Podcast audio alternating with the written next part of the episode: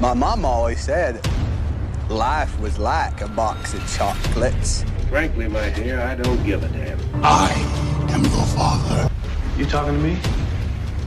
You talking to me?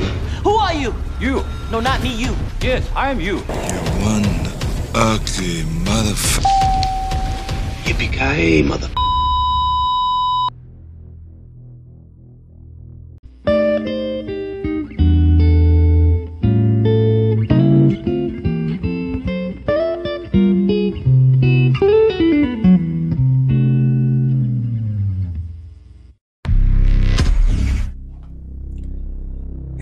Hey. Selamat bergabung kembali di channel BB69.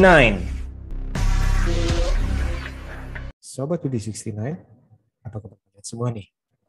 Nah, baru-baru ini keluar film Adam Sandler terbaru yang berjudul Hustle. I love this game. I live this game. Let's get to work. The draft is in six weeks. If we're gonna do this, we gotta do it ourselves. No doubt about it. That kid's got it.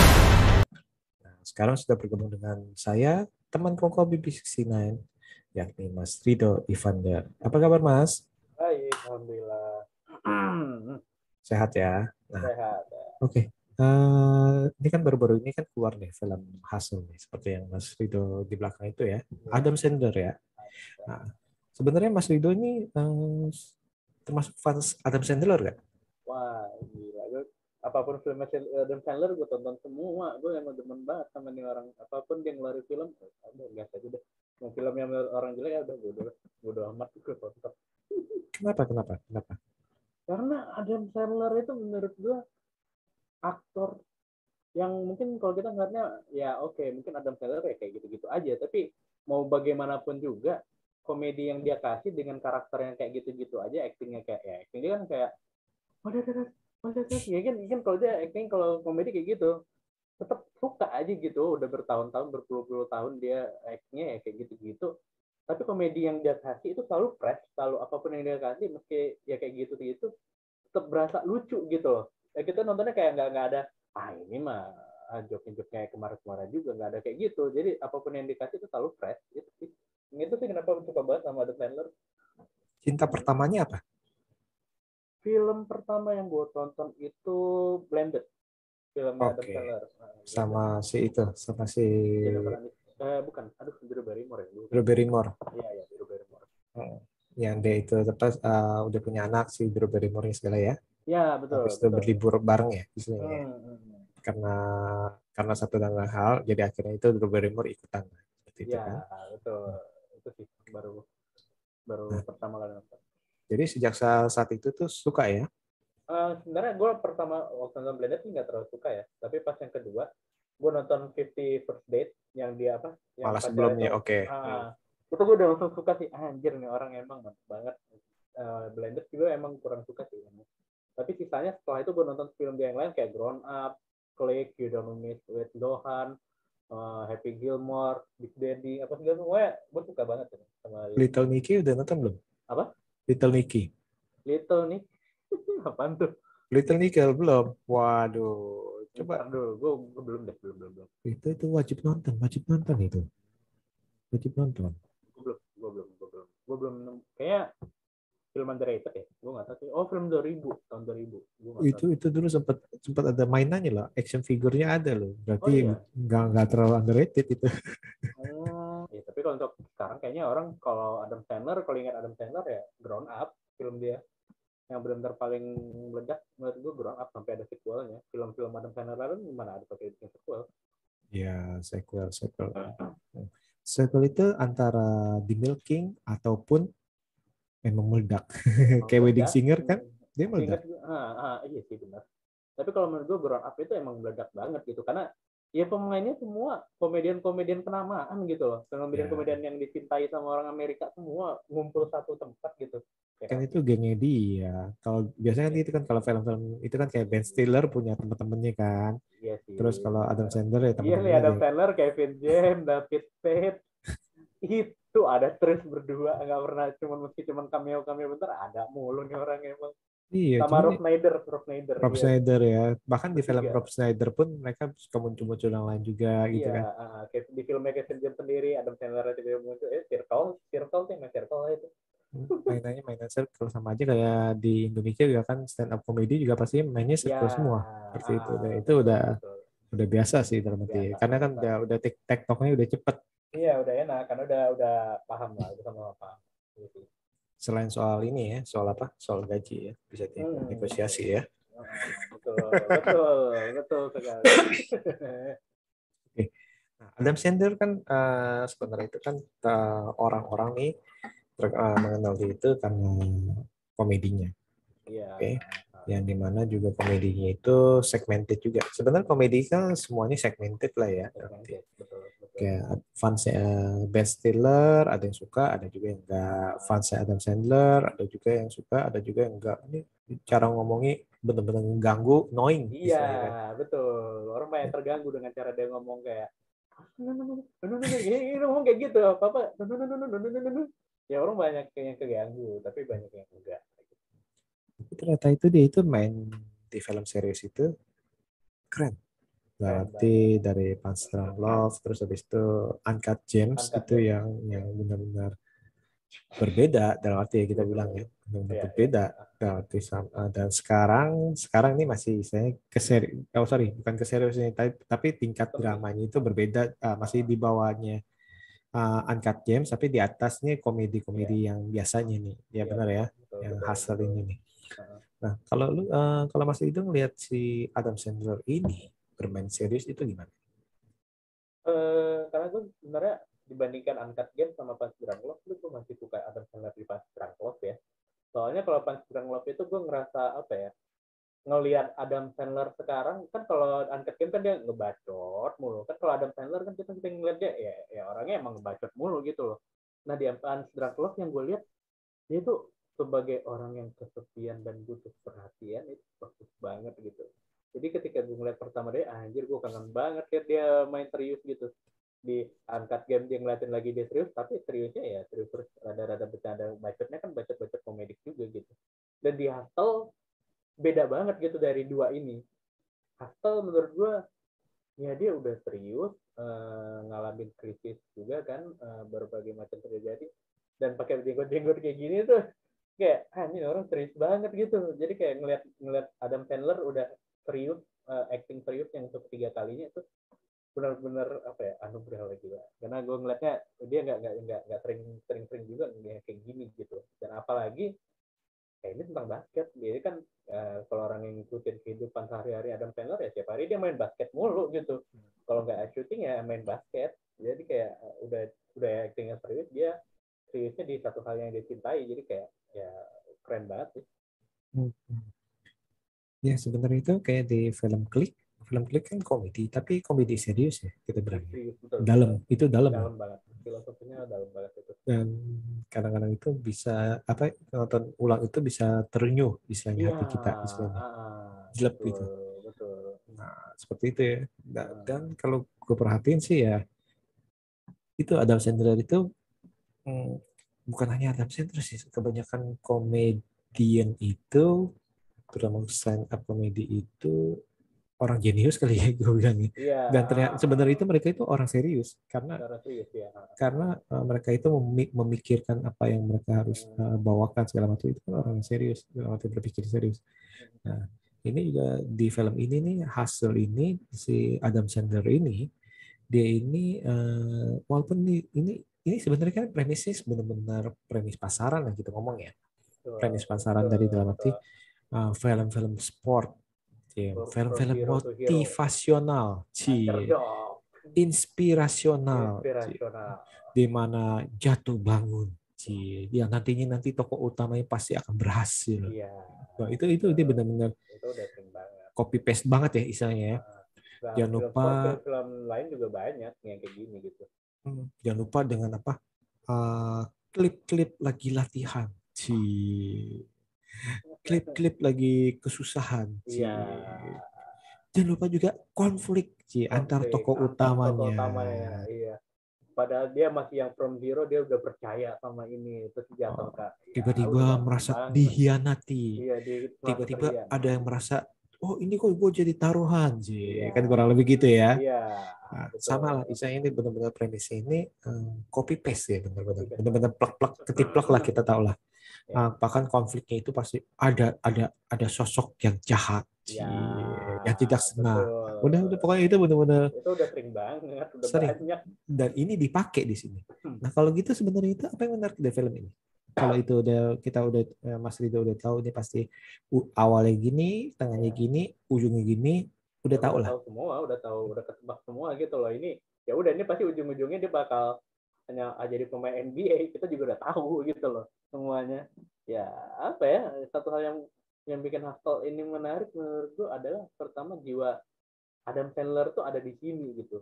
Karena Adam Sandler belakangan kan sebelum Uncut Game kan dia main film asal-asalan aja. Jadi kayak jiwanya nggak ada di situ. Dia nggak merasa apa namanya menikmati bikin film. Sementara kalau di sini yang gue lihat ketika dia bikin film Hustle dia serius gitu. Berakting serius karena jiwanya berada di sini. Dia emang cinta banget sama basket. Jadi ketika kita nonton nih kita ngeliat ya Adam Sandler benar-benar serius dia benar-benar mau di sini gitu. Benar-benar ini tempat gue ini yang gue cintai gitu. Dan itu dilihatin maka sepanjang film meski kita udah bisa nebak arah-arah arah arah ke mana-mana ya semuanya ya tapi kita tetap bisa apa ya terpaku dengan Adam Sandler yang emang wow banget gitu di sini. Emang benar-benar kita ngeliat pokoknya kalau orang nonton ini meski dia orangnya itu nggak tahu kalau Adam Sandler itu emang suka basket kan orang ya nggak mungkin semuanya ngikutin apa ya nggak mungkin ngikutin kehidupannya Adam Sandler ya. Tapi ya gimana ya pas orang nonton pasti ngeliat kayak oh ini orang memang beneran cinta banget nih sama eh, basket gitu. Sampai segitu cintanya gitu sampai berani ngerosting sepak bola yang jelas-jelas gede di sini sampai berani kayak gitu tuh itu eh, berani jadi emang menariknya ya di situ apa yang bikin kita betah sampai akhir ya pertama ada Sandler musik kedua ya ini soal basket gitu loh ya mungkin kalau basket kita udah sering lihat kayak Airbud ya kan? Space Jam. Sekarang kan udah sering diliatin kayak gitu ya. Tapi diliatin sisi lain dari eh, basket bola bas- eh, olahraga ini. Ternyata ada orang yang namanya pemandu talent pemandu bakat ya pemandu bakat. Dan itu kayaknya mungkin kalau orang-orang Amerika tuh mungkin udah tahu udah tahu beberapa. Tapi kan kalau orang-orang kayak kita nggak tahu gitu. Dan mungkin nggak pernah dispesifikin kerjanya kayak gimana suka dukanya ketika bekerja. Kan orang mikir eh enaknya jadi pemandu bakat eh, jalan-jalan ke luar negeri terus ke mana-mana. Tapi dia nggak tahu dia tinggal di keluarga dia nggak apa namanya stres ketika nggak dapat talent yang bagus sesuai keinginan perusahaan padahal dia udah nyarinya setengah mati gitu. Jadi kayak menarik aja gitu ngelihat satu sisi kita bisa ngelihat Adam Sandler yang jiwanya itu berasa banget di sini dan satu lagi adalah ya kita bisa kerjaan yang kayaknya kita juga nggak terlalu tahu gitu kerjaan ini tuh ada gitu. Saya kita pikir ya udah kita ngelihat ada pemain dari tim lain itu langsung dikontrak ternyata nggak segampang itu gitu. Malah untuk jadi pemain NBA harus jadi main masuk ke draft combine dulu. Hmm, padahal kita tanya kalau NBA main ya udah main aja di kontrak dah. Lu udah gabung ke tim ini kita cuma taunya udah sebatas udah dikontrak aja ternyata ada yang lain gue draft combine aja gue baru tahu gue baru taunya cuma nonton doang gitu Hmm, hmm, hmm. gitu sih Kalau draft itu dulu bahkan ada ada kalau kalau kalian tahu ada apa kartu-kartu kartu-kartu itu ada NBA draft. Nah itu kartu Iya, kartu NBA itu ada draft, tuh. ah. Zaman zaman dulu itu kan ada tuh. Ya. Sekarang masih ada kali ya? Ya, masih masih ada. banyak banget yang ngoleksi masih banyak banget kartu-kartu uh, draft gitu Nah, dan Karena itu nanti mahal harganya kalau ternyata berhasil Ah, ke depannya iya, seperti itu. mana. Kalau di luar negeri mahal, kalau di sini kesannya nggak ada artinya. iya iya nggak ada artinya orang nggak kuat apa sih ngumpulin kartu kartu kayak Nah, nah, nanti kalau misalnya dikumpulin nanti disa- dijual di sana. Nah, ini menarik sih, soalnya kan di sini juga ada Sandler juga dibilang apa? Tadi itu mengenai pembahas mengenai apa ah, pekerjaannya sebagai talent, Ah, pencari talent kita ngomong ya. Pencari talent sebenarnya di di di di bidang apa pun ada. gitu. Bahkan istilahnya di sini dikisahin dia ini harus ah, melewatkan berapa tahun ulang tahun anaknya iya istilahnya kan. Dan istilahnya konfliknya itu ketika eh, gimana nih? Dia tahu nih talentnya bagus, tapi bosnya nggak suka. iya Atau bosnya suka, tapi ini dia tahu nggak bagus. Nah, itu kan konflik-konflik konflik-konflik dewasa kita ngomong ya, Isai yang yang kita temui sehari-hari, bener nggak? betul betul betul betul benar Ya dalam membuat film juga gitu kali Mas Ridho. Hmm. Ini, ini gue tahu nih film apa aktornya aktornya bagus ya, tapi ternyata bagus. itu bagi produsernya, aduh kurang ngejual. Seperti itu ya. Ada ya semua kerjaan pasti ada sih yang kayak gitu-gitu ada perseteruan antara eh, atasan sama idealisme kita lah istilahnya idealisme atau visi kita gitu. Kita di pandangan mata kita nggak bagus nih. Karena bagusnya bukan bagian menjual, karena kan kita nggak mikirin itu kan, kita mikirin bagusnya aja. Kalau menjual kan urusan atasan karena kan dia ngeluarin duit gitu. Jadi ya filmnya ya sebenarnya bisa menyeluruh sih semua orang juga bisa paham ada bagian-bagian itu. Gitu. Hmm.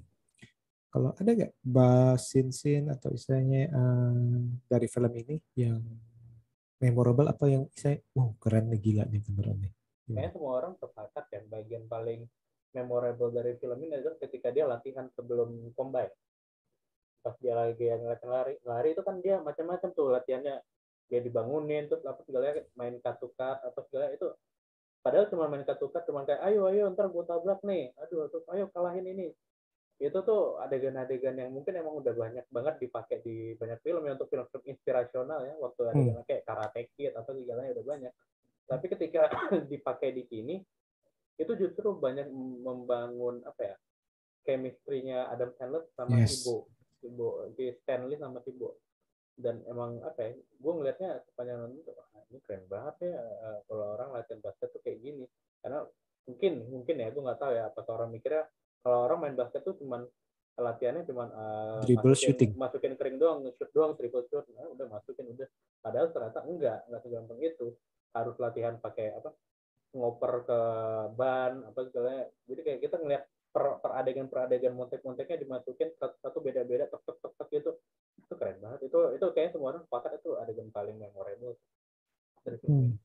Si Juancho Herma Gomez ya, Herma Ya. Herman Gomez. Nah, Harapan gue nggak- Nah, itu emang benar sih uh, adegan-adegan itu keren sih dalam arti kan kalau selama ini kan kita taunya itu pemain sepak bola aja karena yang diangkat kan di Indonesia kan pemain sepak bola. Oh kalau di TV kita kan kita sering lihat nih pemain sepak bola lagi latihan di apa ada kon kon Hmm. orange bawa bola ya, bola diinin ah, Hmm. bola balik ya betul betul Nah, nah, kalau di yang yang di basket mungkin kan kita jarang nih ngeliat nih dan iya ternyata ini tahu ternyata ternyata gile dalam arti harus misalnya di mana dia harus uh, coba lay up terus habis itu Ya. harus ada lawannya gimana uh, body contact istilahnya kan gimana dia harus menjaga bener ya? Ngeblok defense-nya iya banyak nah ini mungkin yang tadi itu karena mungkin karena dalam arti kecintaan si Adam Sandler terhadap uh, olahraga basket ini akhirnya ini mungkin menjadikan film ini menjadi jauh lebih maksimal kali ya kita bilang betul ya betul karena kalau misalkan kalau hanya saya hanya biasa-biasa aja itu biasanya itu nggak akan nggak akan segininya apalagi kan di produser itu salah satunya LeBron James ya iya LeBron James sendiri yang ngeproduksi nah. LeBron James juga Adam Sandler juga nih Iya. nah justru itu nih ini ini benar-benar dan para pemainnya pun istilah pemain kita pemain pendukungnya lah iya pemain itu semuanya ya. itu pemain basket pemain basket beneran profesional semua dalam arti mau yang Ah. Mau yang di bangku cadang lah apa istilah kita ngomong ataupun pemain yang cuma muncul sepersekian detik aja itu ini ini. Gue bingung tuh biayanya oh, mungkin karena LeBron James kali. Ayolah LeBron main lah main iya udah udah kena kenalan gue udah udah lu main dah. Ini film gue ya udah boleh deh LeBron yang ngajakin gue kalau Adam Sandler ah lu siapa? Mungkin orang masih kayak gitu. Kalau ini ah udah deh LeBron LeBron yang ini ajakin udah udah boleh deh boleh. Nah, LeBron LeBron LeBron siapa tahu nanti dia diajak ke Space Jam 3 ya makanya jadi kayak menurut gue ya itu sih yang bagian menarik yang lain adalah fan service juga sih buat para penggemar sepak eh sepak bola lagi basket Eh, jadi ngelihat apa begitu banyak tokoh-tokoh legendaris yang udah tua yang Yes, kita yang udah sendiri tua-tua Iya, yang udah tua-tua yang kayaknya kita udah jarang banget ngeliat mereka ada di ini. Eh, bahkan yang kayak cuma duduk doang tuh orang eh ini jadi kayak apa ya? Service juga sih untuk penggemar eh, basket ya. Eh, banyak banget karakter-karakter atau tokoh-tokoh lama yang akhirnya dimunculin lagi di sini. Hmm, Dan itu bahkan wah, bagi mereka nyari. yang nggak kenal pasti akan akan mikir ini kenapa nih orang tua nih yang lagi duduk nih iya yang kayak cuma Di- duduk ini center terus tiba-tiba dia ngomong itu siapa tuh oke ini ada ada sesuatu nih ini pasti Ah, siapa nih langsung dia ah. nyari tahu deh misalnya Karena kan di sini juga banyak coach-coach yang jadi istilahnya jadi istilahnya cameo-cameo ya kita bilang. Misalnya betul kayak seperti Undertaker aja. Tapi berarti.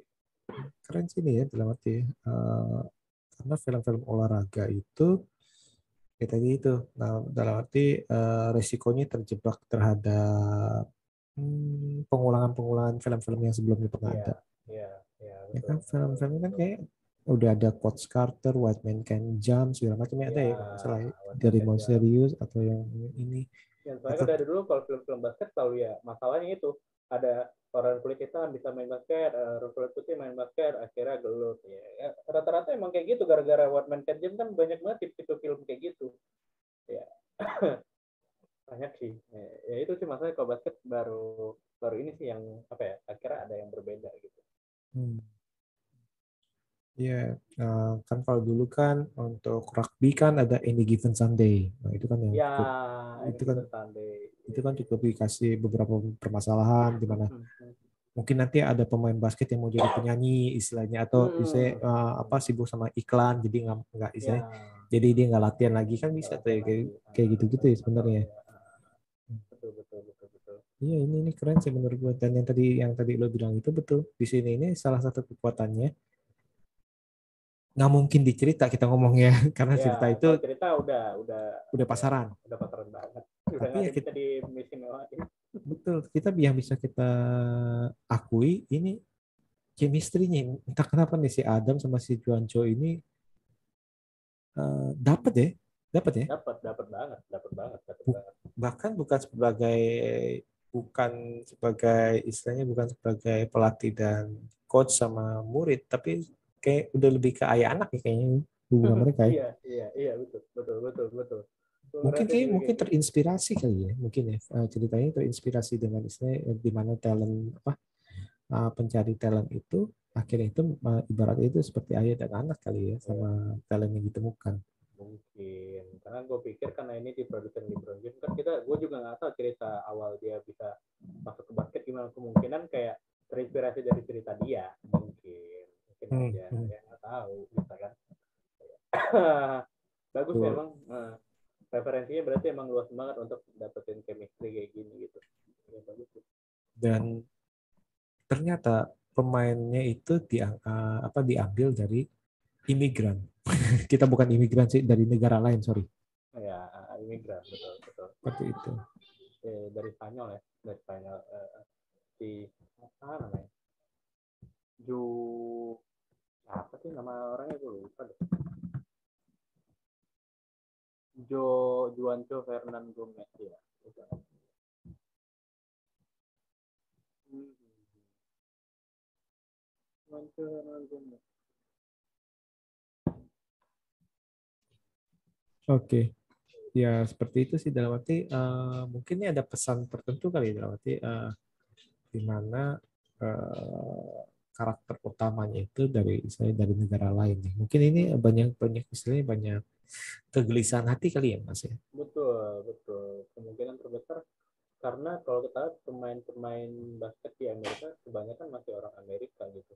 Dan mungkin untuk memperlihatkan kalau karena kan eh, dalam pikiran orang basket itu cuman digemari di Amerika karena itu kan sepak, apa nomor satunya lah di Amerika kan kalau kita sepak bola ya kalau mereka kan basketball ya jadi ini mungkin untuk ngeliatin gitu. Makanya dia terbang ke beberapa berbagai negara juga mungkin untuk nunjukin kalau ya basket itu pasarnya bukan cuma Amerika ada di Spanyol ada di di mana lagi ya banyak lah di banyak banyak daerah gitu yang ditunjukin di sini. Jadi emang mungkin selain untuk nunjukin kegelisahan pemain-pemain basket ya untuk nunjukin juga apa ya basket tuh nggak cuma dicintai di Amerika negara lain banyak. Bahkan yang waktu di Spanyol yang dia duel itu aja kita ngeliat rame banget orang itu jadi untuk nunjukin iya ternyata di daerah Spanyol pun rame itu orang yang mau nonton basket gitu loh Streetball ya zaman dulu istilahnya. Ya. Bahkan zaman dulu ada 3 on 3 segala macam. ya. ya three on three one on one Emang kemarin kan kalau dia kan one on one ya Hmm. gitu. Oke. Sebelum kita lanjut eh, ke pembahasan lebih dalam. Product placement placement. bermasalah nggak Enggak sih. di film ini? Sejujurnya enggak sih, sama Kenapa? sekali enggak.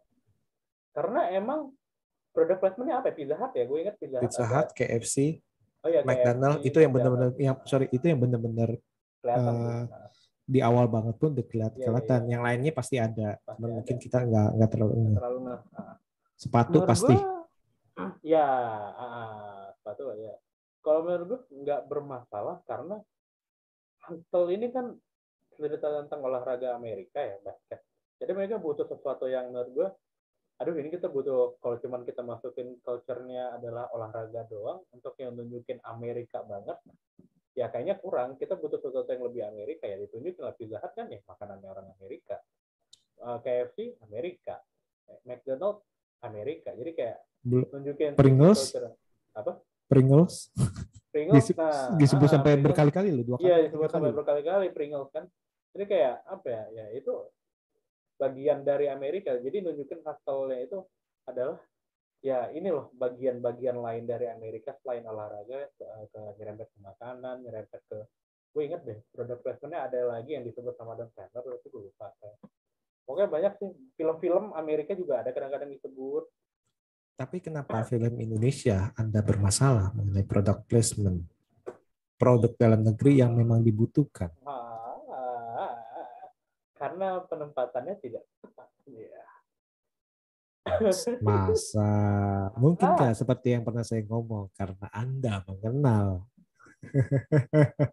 nah, ini bukti, bukti. Anda mengakui bahwa Anda tidak bermasalah. Anda mencari alasan bahwa ini kan eh, apa budaya Amerika. Loh, kalau Anda eh, panas dalam, minumnya apa? Larutan penyegar. Budaya. Kalau Anda sakit apa? Waktu itu susu cap gajah.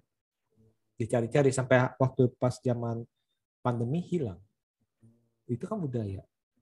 Nah, ini ini ini kenapa saya tuh ngangkat ini lagi karena ya ini buktinya. Kenapa kita berkompromi dengan produk yang sebenarnya kita kita nggak nggak terlalu saya nggak terlalu gimana udahlah jangan gini lah. Tapi kalau untuk dalam negeri kita ini ngomongnya apa? Mungkin Kasar banget placementnya. Loh, kurang kasar apa kamu makan di sorot gitu? mungkin sebenarnya cara pengambilan shotnya sih karena kan Oke. ketika Pizza Hut ya enggak benar karena kan Pizza Hut gue ingat dia ditaruh di, di kasur kan nggak terlalu jadi spotlight banget kan Taruh di kasur tapi eh, Kebuka. kardusnya tetap Nah, tapi kan kalau itu kalau kita ingat mereknya ke apa? depan. iya tapi kan nggak terlalu disorot spotlight gede iya Tapi- kalau cross kan gue ingat yang waktu di awal sampai dibikin shot tersendiri angle dari atas supaya kelihatan ini gitu Nah, Anda ini nama apa? Bernegosiasi. Kapan Anda makan pizza, boxnya itu ngadep mereknya ngadep ke depan harus. Kapan Anda makan uh, M dengan bawa bawanya gini, terus habis itu belakangnya ada M-nya gitu. Itu itu di, di, di apa di zoom loh, ada gede loh. Nanti nonton lagi deh, karena ini di OTT jadi gampang gitu. ya ya ya, ya, ya oke deh kalau Yupi gimana kok tiba-tiba mendadak ada di meja nah Ada kok. Ya mungkin ini kan ceritanya itu ada ada yang ambil terus taruh meja. Loh. Biasa kamu taruh taruh permen di mana? Di meja apa di di lemari es? di lemari kalau di lemari ya ya ada tempatnya tapi kan di Ah, meja kebanyakan kan di gitu. meja. Kebiasaan orang orang kita kan di meja. Nah, itu dia Iya. maksud saya. Enggak, ini udah udah jangan di, jangan diperdebatkan lagi. Ini contoh yang tadi yang yang, yang apa? Contoh contoh negosiasi negosiasi. penerimaan kita kalau film uh, di luar kita Hmm. tidak terlalu ngejudge. Tapi kalau di film dalam negeri karena kita tahu oh ini kan ini ini kan ini ini ini ini oh product placement nih gini gini seperti itu. Walaupun banyak sekali yang lebih kasar lagi. Kasar lagi kayak misalkan cara memasak minyak pun dikasih tahu. Oke oke lanjut lagi. Udah itu udah di podcast anda. Udah dibahas. Oke Eh, tadi kita udah ngomongin ini langsung lupa tuh saya gara-gara ngomongin produk. astaga. Oke, oke, oke, oke, oke. Nah, tadi udah aktornya, udah keren-keren lah kita nggak usah ngomongin. Musiknya juga keren ya, cocok ya. ya. betul betul. Musik musik Itu kayaknya memberi nyawa ya. nyawanya wah gila. Lagu-lagu hip hopnya dipakai meski gue nggak tahu ini lagu apa deh. Tapi ya nyawanya jadi nambah lagi gitu loh. Energi energik banget jadi filmnya gitu. Pengen nonton tuh kayak ya berasa seger aja gitu. Udah ngeliat eh, bagus permainannya eh, apa tuh cutnya dari directingnya bagus ya tambah lagi dengan musik ya makin energetik banget filmnya gitu loh. Ya seperti basket emang ngelambangin basket banget. Basket kan emang ya nggak nggak lepas dari hip hop juga dan basket itu selalu energetik banget gitu mainnya. Ya benar ngelambangin banget sih keseluruhan filmnya ini tentang identitasnya basket itu. Ini dari tadi kita muji-muji terus nih. Kira-kira ada kekurangan nggak sih? selain cerita yang biasa cerita Iya. biasa ya Hmm. Nah, oke. Tadi oke. Cerita yang biasa itu bisa tolerable nggak? Dilupakan nggak? sebenarnya bisa tapi, Tapi? mungkin Hmm. menurut gua eh, kalau terlalu banyak tipe-tipe film kayak gini misalnya dalam setahun terlalu banyak ya nggak terlalu bisa ditolerable maksudnya kayak bro cerita cerita cerita lain masih banyak gitu yang bisa lo ceritakan gitu kalau lu semua ngambil cerita yang kayak gini semua ya ya bisa ditolerir kalau terlalu banyak. Kalau misalnya dalam setahun kayak mungkin satu atau dua film yang ceritanya tuh kayak gini from zero to hero ya nggak masalah. Tapi kalau terlalu banyak dalam setahun ya itu bermasalah. Sebenarnya sih saya sih agak menyesal mengundang Anda di sini. Kenapa? Karena Anda dan saya ini penggemar Adam Sandler. Jadi saya kadang-kadang itu takut takutnya. Ya, takutnya tidak tidak betul. tidak ini tidak apa tidak fair Iya, saya. betul, betul. seperti itu sih. Hmm, bener ya bener ya. betul. Karena kan kalau kita emang suka gitu apa pun ya udah. Hmm, bener bener. bener. Oke tadi kembali lagi kekurangannya apa? nih? Kekurangan besar film ini menurut gua adalah ke fokus di kedua menurut gua agak pecah sih. Kayak apa ya? Kita masih berusaha mengenal Stanley nih. Karena kan di awal kita udah tahu dia pembantu, tapi kita pengen tahu nih arah berkembang dia ini ke mana. Terus tiba-tiba Bob muncul, dia yang mendadak jadi apa namanya sorotan utama di film. Ah, ah, spotlight utamanya Stanley-nya jadi kayak agak ya udah dia cuma jadi orang di belakangnya jadi pelatih. Memang mungkin emang perannya memang itu, tapi kan posternya aja nih ini kan poster poster resminya kan kayak gini kan ya ada tulisan hustle di atas gitu nggak ada si Bob Cruz-nya tapi malah jadi yang di keduanya kita malah lebih difokusin bahkan di yang ketiganya kita jadi lebih difokusin ke dia gitu. Bahkan penyelesaian utama di film ini di dia gitu. Jadi kayak Adam Sandler ini cuma ngegiring ngegiring Bob Cruz aja untuk diperkenalkan lebih luas lagi gitu. Sementara Adam Sandler karakter Adam Sandlernya sendiri ya udah kita tahu keluarganya kayak gitu. Tapi kita nggak bisa tahu pengembangannya kayak gimana. Eh, tiba-tiba dia udah jadi mantan pelatih eh, mantan asisten pelatih lagi kita nggak tahu eh, setelah itu apa ya ya itu sih menurut gue tuh kayak nasib-nasibnya Stanley ini nggak terlalu dipedulikan lagi setelah Bob Cruz masuk cuma di awal-awal aja cuma kayak wah Adam Sandler nih wah Adam Sandler seriusnya actingnya cuma kayak gitu aja. Itu sih kalau kekurangannya kalau ini.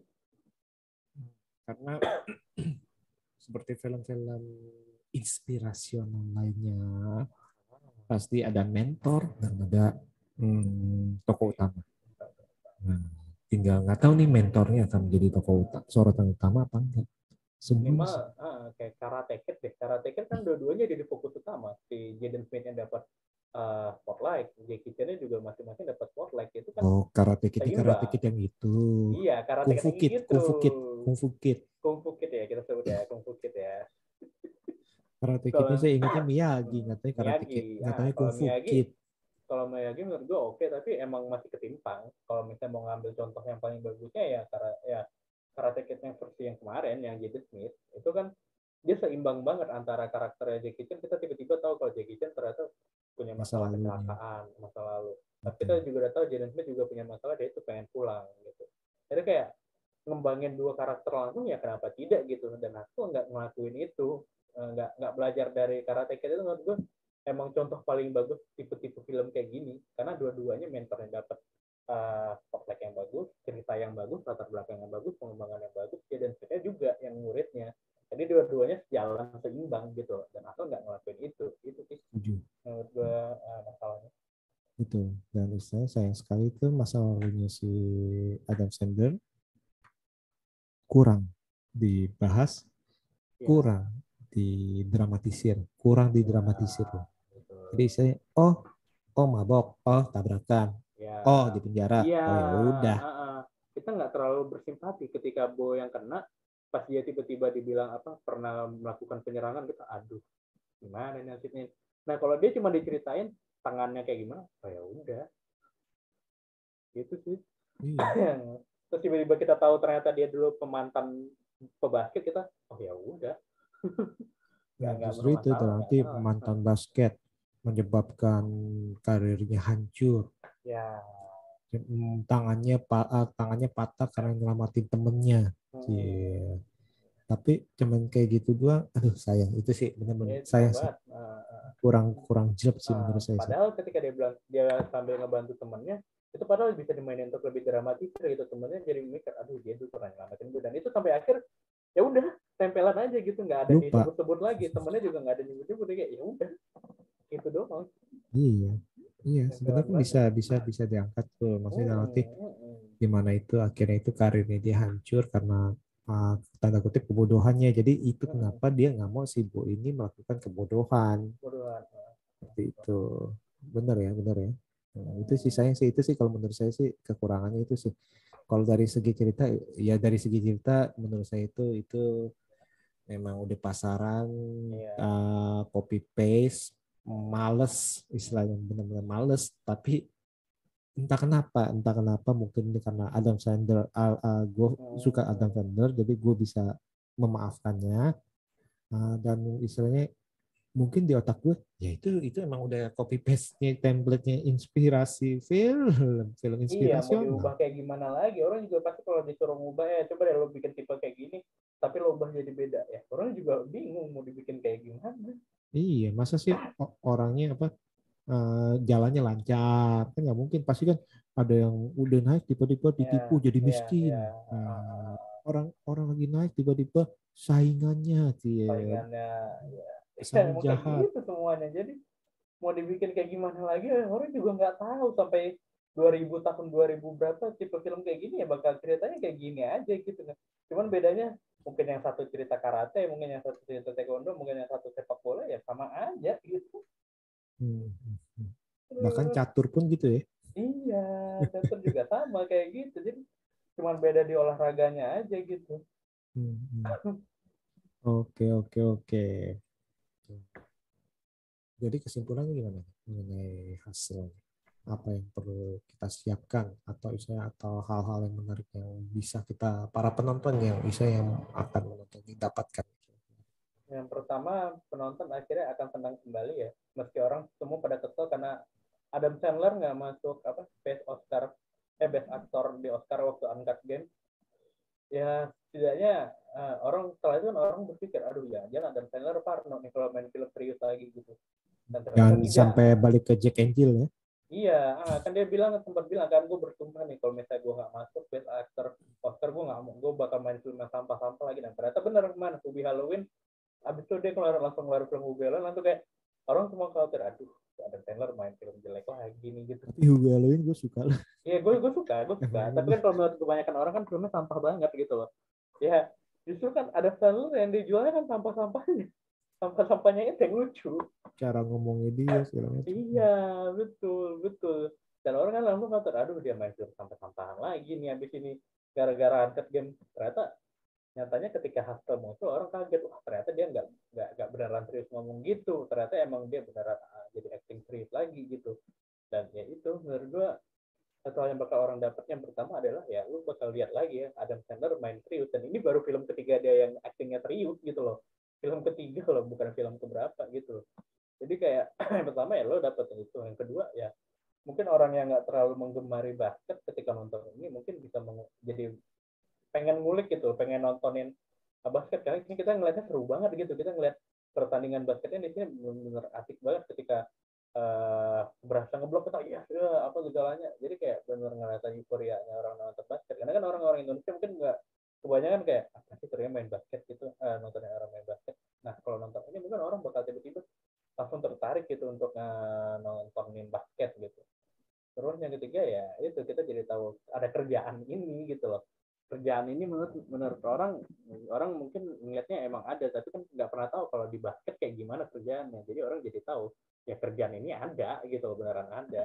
Beneran dibayar orang untuk nyari pemain-pemain di luar-luar. beneran Kayak cuman callingan-callingan nggak ngeliat dari Instagram wah followernya banyak wah dia jago main basket nggak yang kayak gitu nyarinya karena apaan gitu ya gitu tiga itu sih yang paling dapat di sini Jangan lupa pesan moral yang paling penting sih menurut gue sih ini yang benar-benar ditekankan berulang-ulang.